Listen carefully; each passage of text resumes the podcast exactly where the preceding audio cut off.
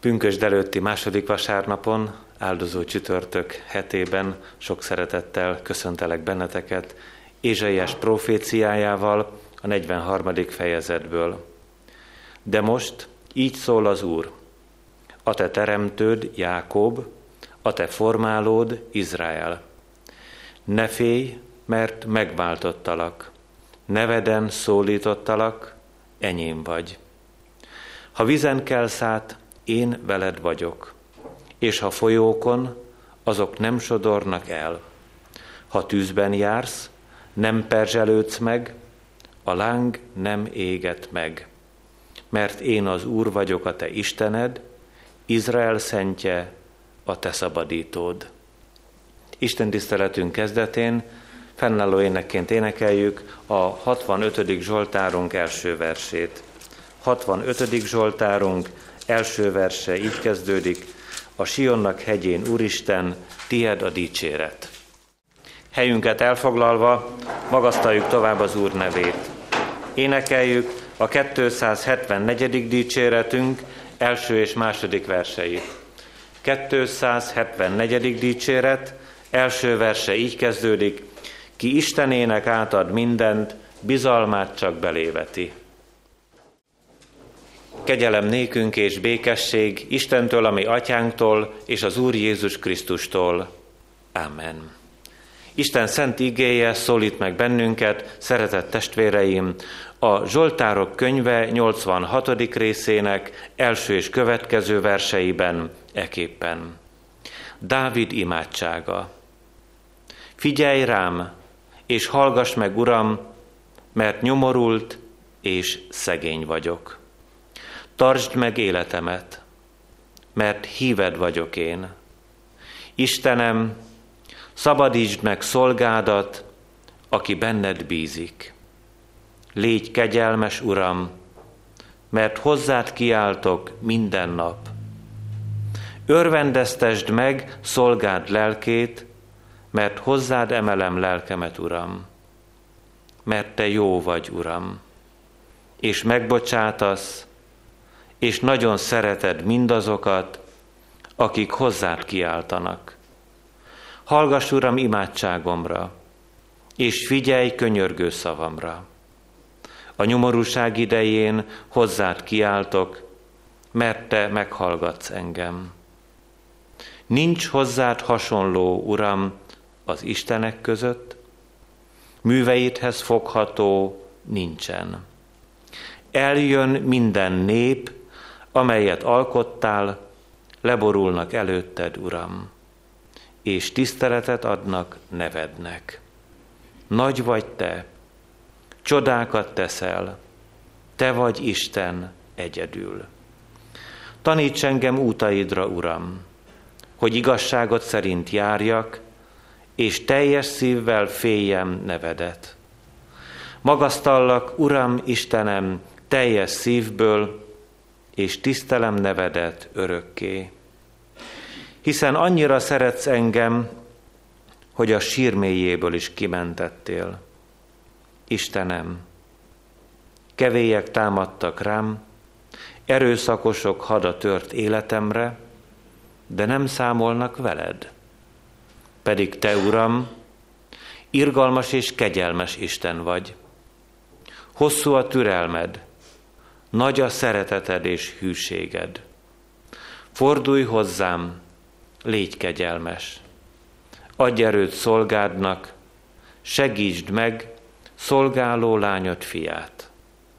Mutasd meg rajtam jóságod jelét, hadd lássák gyűlölőim, és szégyenkezzenek, mert Te, Uram, megsegítesz és megvigasztalsz engem. Kegyelemnek Istene tegye megáldottá szent igéjének meghallgatását, szívünk befogadását és megtartását. Hajtsuk meg fejünket az Úr előtt. Imádkozzunk. Drága édesatyánk, örökkévaló Szent Istenünk, annyi szépet és jót hallottunk rólad ebből a Zsoltárból, és olyan kevés, ami szívünkben a készség, hogy mi is társai legyünk a te szolgádnak, Dávidnak, hogy benned a te személyedben kincseket ismerjünk fel, hogy átláthatnánk, felfoghatnánk és megérthetnénk végtelen hatalmadat, mennyei szeretetedet, jóságodat, irántunk kinyilvánított bocsánatodat. Most mégis arra kérünk, hogy megsötétedett szemeinket nyisd meg, értetlen értelmünket tedd világossá, hallóvá fülünket, nyitotta a szívünket, hogy vehessünk értékeidből, hogy feltöltekezhessünk a te szent lelked örömével, hogy a te erőddel álljunk ellene az ördögnek, szolgáljuk a tieidet, a te népedet, a közösségben, otthonainkban, szeretteink körében. Ad nekünk mindazt a jót, aminek sem elejét, sem végét nem látjuk át igazán, de mégis ezekre van szükségünk, amelyek te tőled származnak. Áldj meg bennünket önmagaddal, a te békéddel, és hallgass meg imádságunkban. Szent lelkedért kérünk. Amen. Ige hallgatásra készülve énekeljük a 173. énekünket, nem vagyunk mi magunkéi, de Jézus vére bére.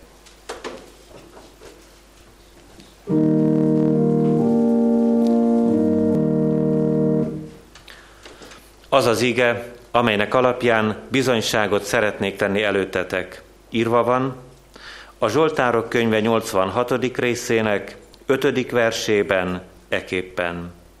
Mert te jó vagy, Uram, és megbocsátasz, és nagyon szereted mindazokat, akik hozzád kiáltanak. Eddig Isten üzenete.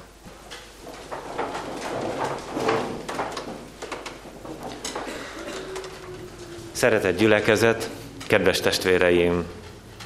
A 86. Zsoltárnak címe van Az üldözött ember imádsága.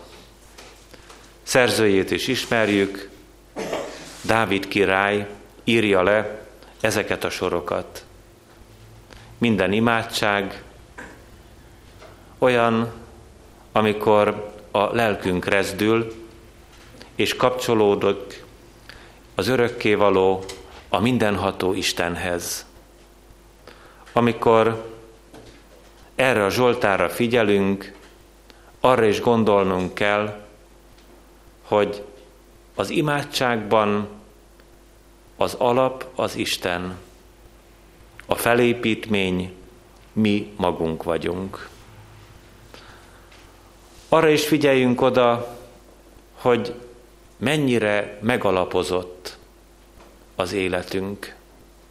Mennyire tartozunk oda, mind testestől, mind lelkestől, az örökkévaló Istenhez. Mert bizony az Úr Jézus Krisztus beszél. Egyik példázatában a megalapozott építkezésről és az alap nélküli épületről. Úgy mutatja be ezt a két épületet, hogy a szemeink előtt, amit látunk, nincs különbség a csend, a nyugalom, a békesség óráiban. De amikor jön az ivatar, amikor feltámadnak a szelek, amikor az élet viharai megtépik a lelkünket, akkor kiderül az építkezésünkről, hogy van-e alapja, hogy valóban a mi drága atyánkhoz tartozunk-e mindenestől, vagy pedig csak homokra, fövenyre építkeztünk lelkileg.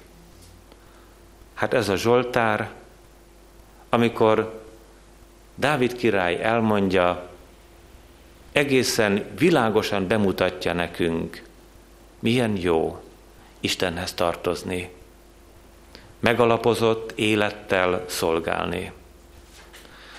És hát három ilyen alapra fogunk odafigyelni, nem Dávidra, nem az ő szolgálatára, hanem Istenre. Istennek a velünk való kapcsolatára. Arra épül ez az imádság először, hogy Isten jó. Másodszor pedig, hogy Isten kész megbocsátani. És utoljára a harmadik erős alap az, hogy Istennek nagy a szeretete irántunk. Nézzük hát először, mit is jelent az, hogy Isten jó. Annak ellenére jó az Isten, kedves testvéreim, hogy tud a rosszról.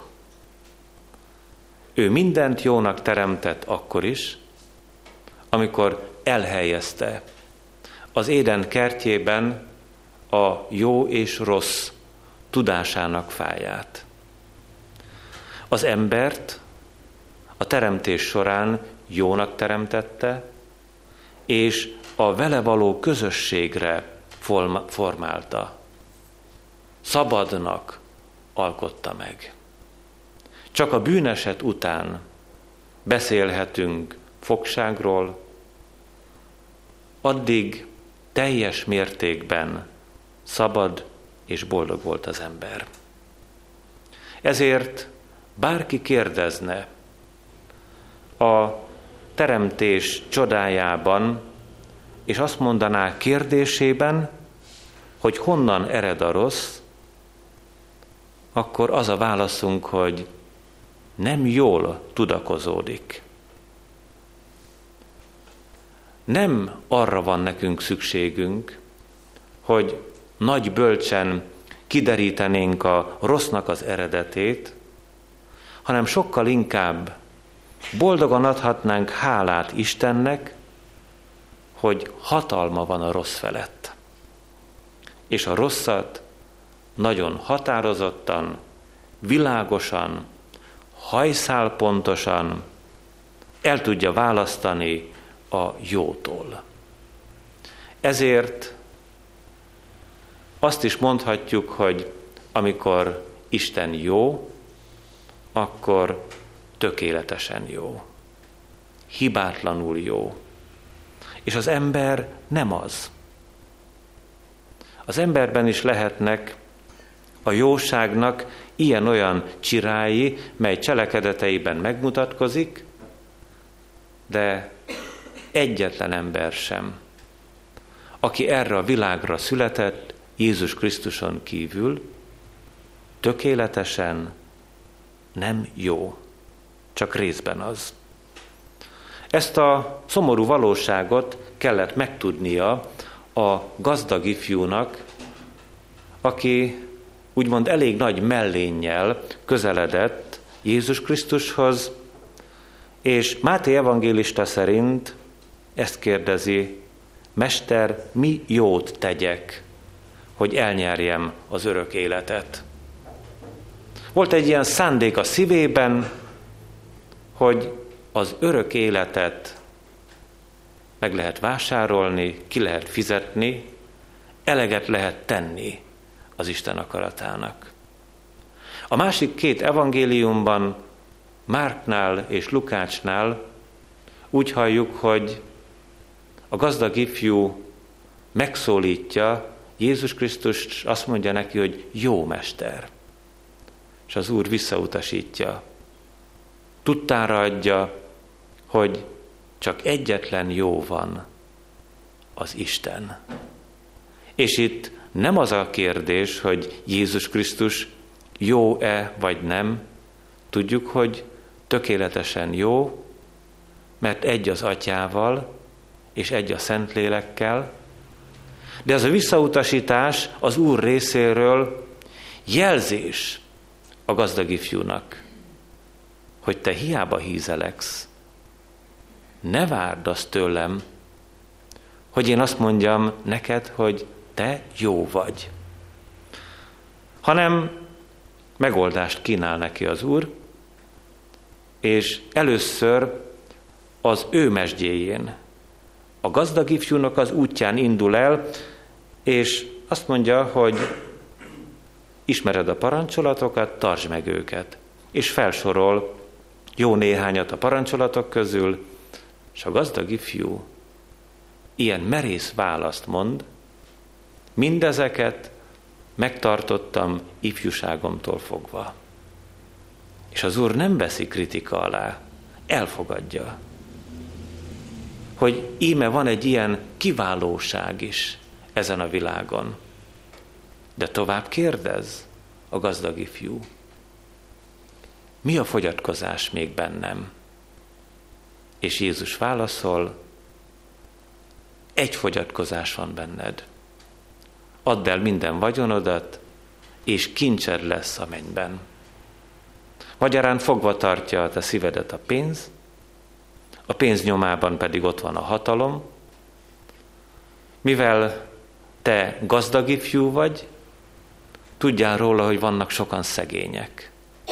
És ez nem kedves az Istennek. És bármit is teszel, bármennyire vagy rendes, bármilyen módon feszíted meg lelki erőidet, abból nem lesz örök élet, mert egyedül Isten jó. Boldogok lehetünk ebben a tudatban, kedves testvéreim, hogy Isten jó, tökéletesen jó. Azután az ige második gondolatából megérthetjük, hogy Isten megbocsátó úr.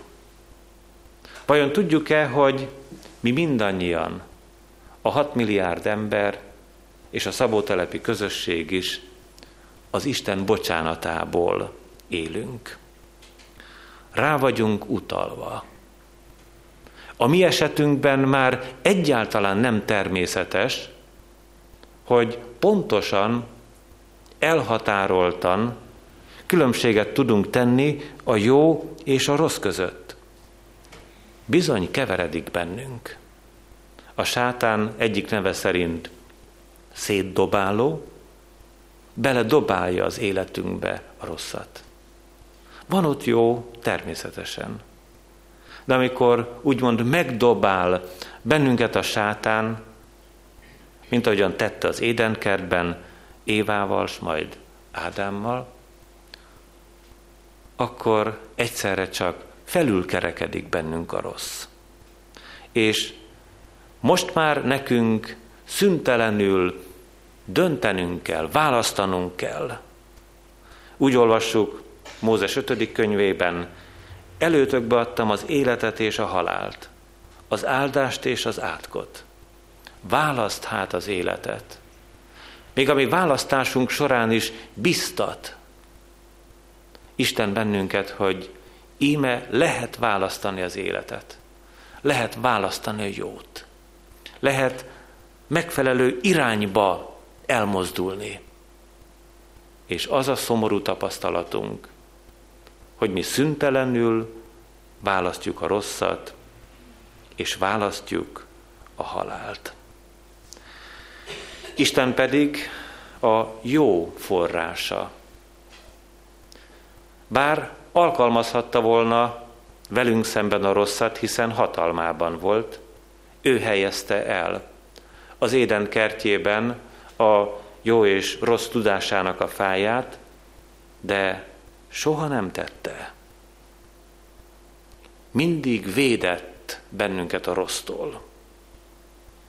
A rosszat a sátán vetette be ellenünk. Emlékezzünk csak a teremtés történetben, hogy hogy beszél Évával. Úgy mutatja be az Istent, mint aki irigy az emberre, mint aki valamit sajnál az embertől. Hát erről a fáról nem ehettek, pedig ha ennétek, olyan okosak lennétek, mint az Isten. És Éva hajlik erre a hívásra, behozza a halált. Nem Isten adja nekünk a halált, hanem az ember hozta önmagára. És mégis megbocsát az Isten. Már Ádámnak és Évának is megbocsát. Pedig csak később Noé történetében halljuk, hogy megbánta az Úr, hogy embert teremtett, és Noénak, és benne az embernek mégis megbocsátott. De kezdte Ádámmal és Évával, mert nem ölte meg őket. Mert amikor meghalt Ádám és Éva, azt ők saját maguknak szerezték. Meg szeretnénk kérdezni az ige második gondolatában, hogy az Úr megbocsátásának milyen a mértéke? És a 103. Zsoltár válaszol erre, amilyen messze van a napkelet napnyugattól, olyan messzire veti el vétkeinket. Határtalan az ő megbocsátásában a mi Istenünk. De azért mi méricskélünk, pedig amikor imádkozunk, ebbe a szédületes távlatba helyezzük el magunkat, hiszen el fogjuk mondani ma is, úgy bocsásd meg a mi védkeinket, amiképpen mi is megbocsátunk az ellenünk védkezőknek. Pedig amikor mi megbocsátunk, nagyon szoros feltételeket szabunk. Ha így és így viselkedik, velünk szemben az, aki ellenünk vétett, akkor talán. Most rá kellene csodálkoznunk, milyen korlátlan nagyságú az Isten bocsánata felénk. És harmadszor az Isten nagy szeretetéről szólunk. Mielőtt erről a nagy szeretetről szólnánk, egy nehéz kérdésen szükséges túljutnunk.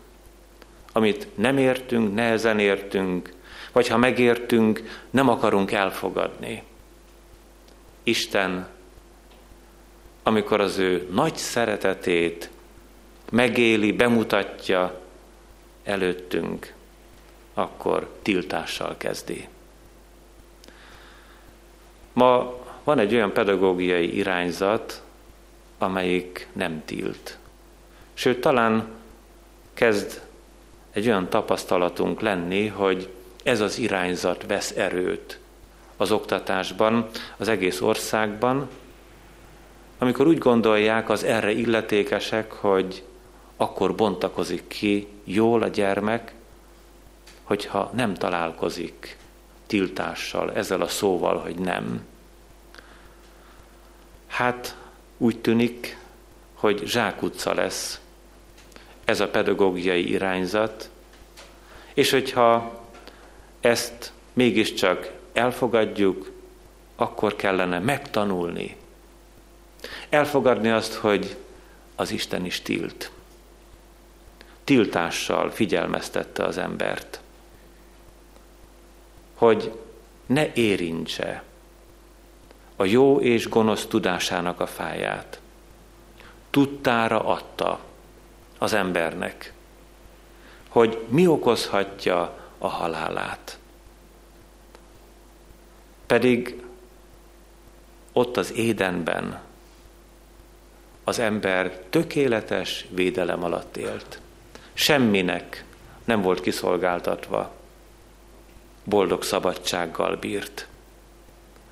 És itt most nagyon pontosan kell látnunk, hogy amikor mégis bűnbe esett, ott nem valamilyen véletlen baleset történt. Mert akkor hamarabb megbocsátanánk magunknak. Hogyha mi nem is tudtunk volna erről az egészről, milyen veszély leselkedik ránk. Ha csak úgy belesodródtunk volna Ádámmal és Évával abba a helyzetbe, aminek az eredménye a halál, de bizony nem erről van szó, hanem arról, hogy az édenben az ember szándékosan szembe ment az Isten akaratával. Volt erre szabadsága, élt vele, tudatosan a rosszat választotta, pedig tiltotta az Isten. Az Isten szeretetének másik nagy részét is meg szeretnénk tekinteni, amikor hangsúlyozzuk, hogy a mi mennyei édesatyánk olyan nagyon szeret minket, hogy nem titkolózik. Amikor tiltott az Isten az éden kertjében, nem lett volna feladata elmondani az embernek, hogy azért nem ehetsz a jó és gonosz tudásának a fájáról, mert bizony meghalsz. Egyszer tanulja voltam egy különlegesen gyors vitának, éppen becsöppentem egy fiatal családhoz, ahol több kisgyermek hát tette a maga dolgát odahaza, és köztük az édesanyja tiltott. Azt mondta valamire, hogy ezt nem szabad. A gyermek visszakérdezett, és miért nem szabad? Az anya válaszolt, mert megmondtam, hogy nem szabad. De a gyermek nem értette, hiszen a kérdésére nem kapott választ, hanem valamilyen diktatórikus feleletet. Titkolózott az édesanyja. Miért nem szabad azt csinálni, amit éppen akkor a gyermek csinál? De nem ilyen a mi Istenünk. A mi Istenünk nem diktátor, nem kényúr, nem despota, nem úgy uralkodik felettünk, hogy semmibe se nézve bennünket, hanem Ádámnak és Évának megmondta, feltárta a titkot, ha érinted, ha veszel, ha eszel arról a fáról, akkor bizony meghalsz. Tudjál róla, hogy élet mellett, vagy halál mellett döntesz. Ádámnak és Évának lehetett gondolkozni.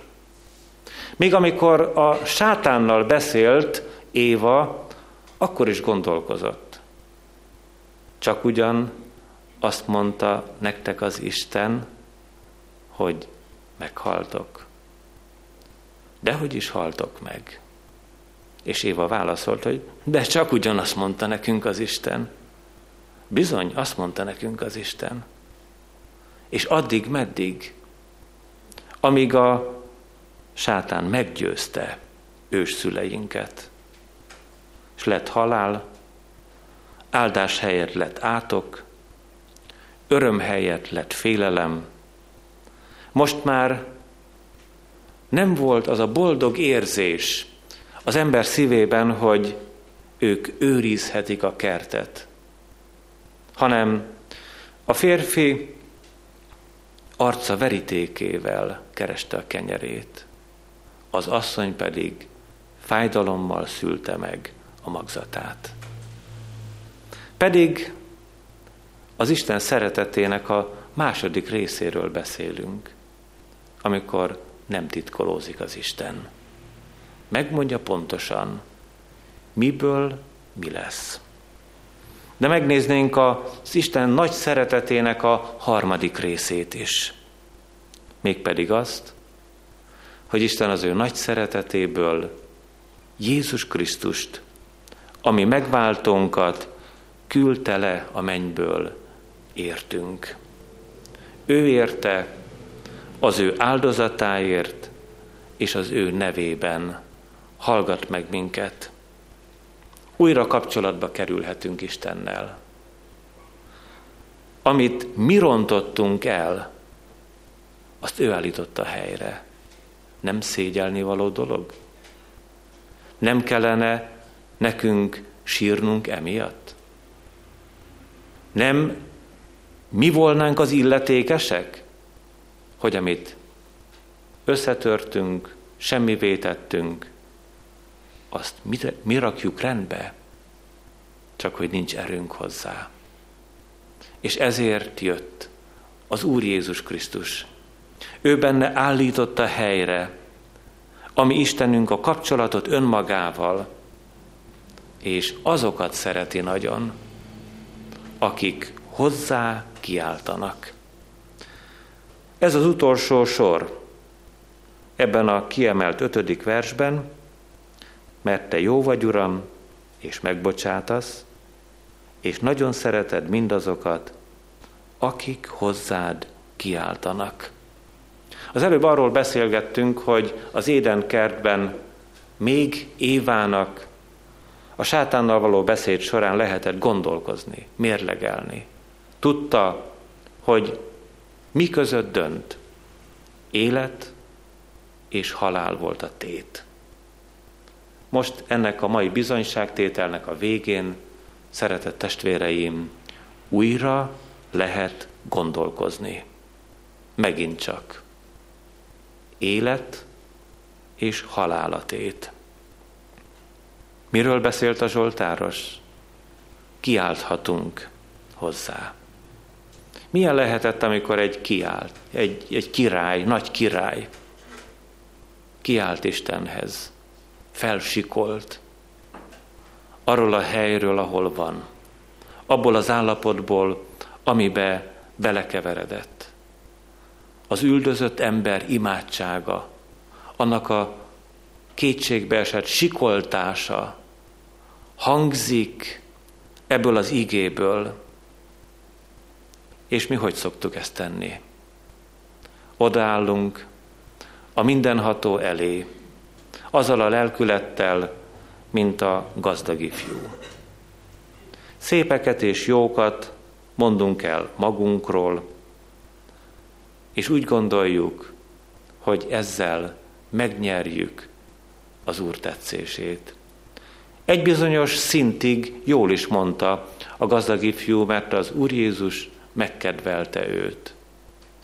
És nem baj, hogyha a mi életünkben is sokasodnak a jó és szép dolgok.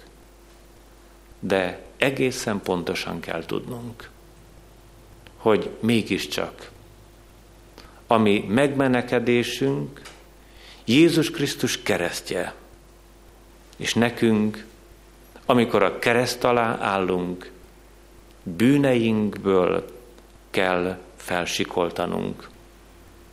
Esedeznünk kell az ő kegyelméért. Kérnünk kell az ő irgalmát. A tét az örök élet.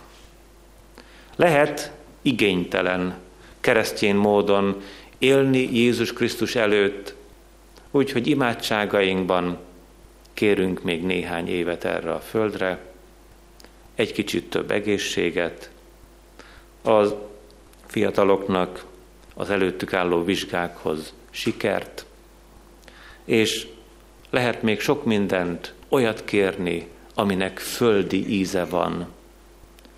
Ezek mind fontos dolgok, de ha csak eddig jutunk el, ami kiáltásunkban meg kell mondjuk, hogy igénytelen keresztjének vagyunk. Mert az igazi nagy igény az volna, ha mi mindannyian vágyva vágynánk az örök életre. Várva várnánk az Úr Jézus Krisztusnak a visszajövetelét. Pálapostollal együtt gondolkozva kellene készülnünk, aki úgy érezte, hogy neki jobb volna már elmennie, de még itt kellett maradnia. Vajon ezt a jobbat tudjuk-e mi most választani? Mert az Isten nagy szeretetéről három formában is beszéltünk az ige utolsó gondolatában nagy szeretetének egyik jele volt a tiltás, másik jele az, hogy ő nem titkolózott, harmadik jele, hogy drága szent fiát adta értünk. Nagy szeretet ez. És hogy milyen ennek a mértéke, ezt is a 103. Zsoltár mondja meg nekünk. Mert amilyen magasan van az ég a föld fölött, olyan nagy a szeretete az Isten félők iránt. Hogyha mi természeti emberek vagyunk, természeti képekben gondolkozunk, akkor elég. Csak a szemünkkel megmérni a föld és az ég közötti magasság érthetetlen, kiszámíthatatlan voltát. De hogyha mi már túllépünk a természeti embernek a kategóriáján, és hívőkké lettünk, akkor Jézus Krisztus keresztjében tökéletesen, egészen világosan látjuk az Isten nagy szeretetét, amelyik üdvözít és mennyei életet ad. Amen. Válaszoljunk az íge üzenetére, énekeljük a 77. Zsoltárunk első versét. 77. Zsoltár első verse így kezdődik, az Istenhez az én szómat. Drága édesatyánk, örökké való Szent Istenünk, megrendülten állunk előtted, amikor úgy érezzük, a te királyi széked előtt benned ott lehetett a gondolat felőlünk. Hatalmas vívódás lehetett a te szívedben, hogy te a te szent fiadat szereted-e jobban, vagy bennünket a bűnbe esett embert. Megkímélhetted volna, ott tartva magad mellett örök dicsőségben, hiszen a teremtés hajnalán veled volt, mindenek ránézve teremtettek.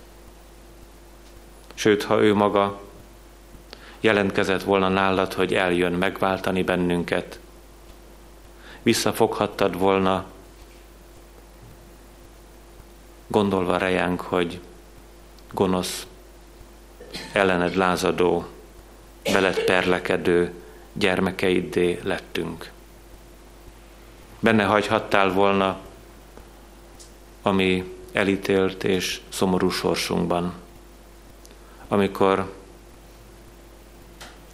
a pokol mélysége vár mindazokra, akik kikerülnek téged, és a maguk erejére támaszkodnak.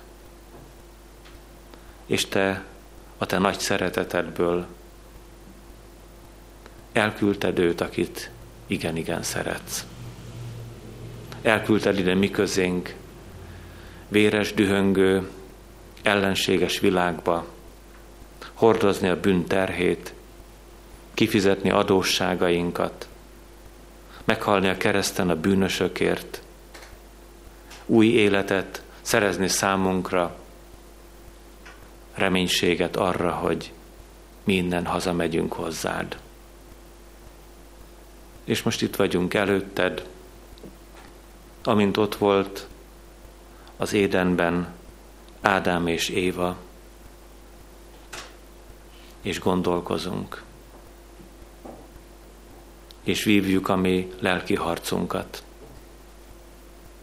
Egyfelől ott van velünk szemben a sátán, és tudjuk, hogy az az ő akarata, hogy közülünk senki se üdvözüljön. És áldott légy, hogy a te akaratod egészen más. Te mindenkit üdvözíteni szeretnél. És érezzük, hogy most rajtunk a sor. Valamilyen irányban el kell mozdulnunk. Valaki felé ki kell nyújtani a kezünket, és ki kell nyitni a szívünket Olyan nehéz ez a vagy-vagy állapot. Ha te nem segítesz, akkor mi most is a mi időnkben képesek vagyunk a rosszat választani. És nem veszük figyelembe a tengernyi szenvedést, ami ott történt a Gecsemáné kertben, a főpap udvarán, Pilátus palotájában és a kereszten. Légy hát segítségül, és fordítsd meg az életünket. Mi most kiáltunk és sikoltunk Te hozzád, mert nincs nekünk másban reménységünk. Senki más rajtad kívül, drága megváltunk, nem adhat nekünk mennyei és örökkévaló életet, de te igen. Neked erre hatalmad van. Erre képesített téged a te nagy szereteted, amelyik pontosan ugyanolyan hatalmas és csodálatos, mint a mi édesatyánké. Áldj meg bennünket, sőt, szállj meg bennünket. Segítsd meg a te népedet, hogy senki mi közülünk el ne vesszen, hanem mindannyiunknak örök élete legyen. Amen. Együtt mondjuk el Jézus Krisztus imádságát. Mi, atyánk, ki vagy a mennyekben, szenteltessék meg a te neved. Jöjjön el a te országod, legyen meg a te akaratod, mint a mennyben, úgy a földön is. Ami mindennapi kenyerünket add meg nékünk ma, és bocsásd meg a mi védkeinket, miképpen mi is megbocsátunk az ellenünk védkezőknek. És ne vigy minket kísértésbe, de szabadíts meg minket a gonosztól, mert tied az ország, a hatalom és a dicsőség mind örökké. Amen. Hirdetem nektek az adakozás lehetőségét, tudván, hogy a jókedvű adakozót szereti az Isten. Áldjon meg téged az Úr, és őrizzen meg téged. Ragyogtassa rád orcáját az Úr, és könyörüljön rajtad. Fordítsa feléd orcáját az Úr, és adjon neked békességet. Amen.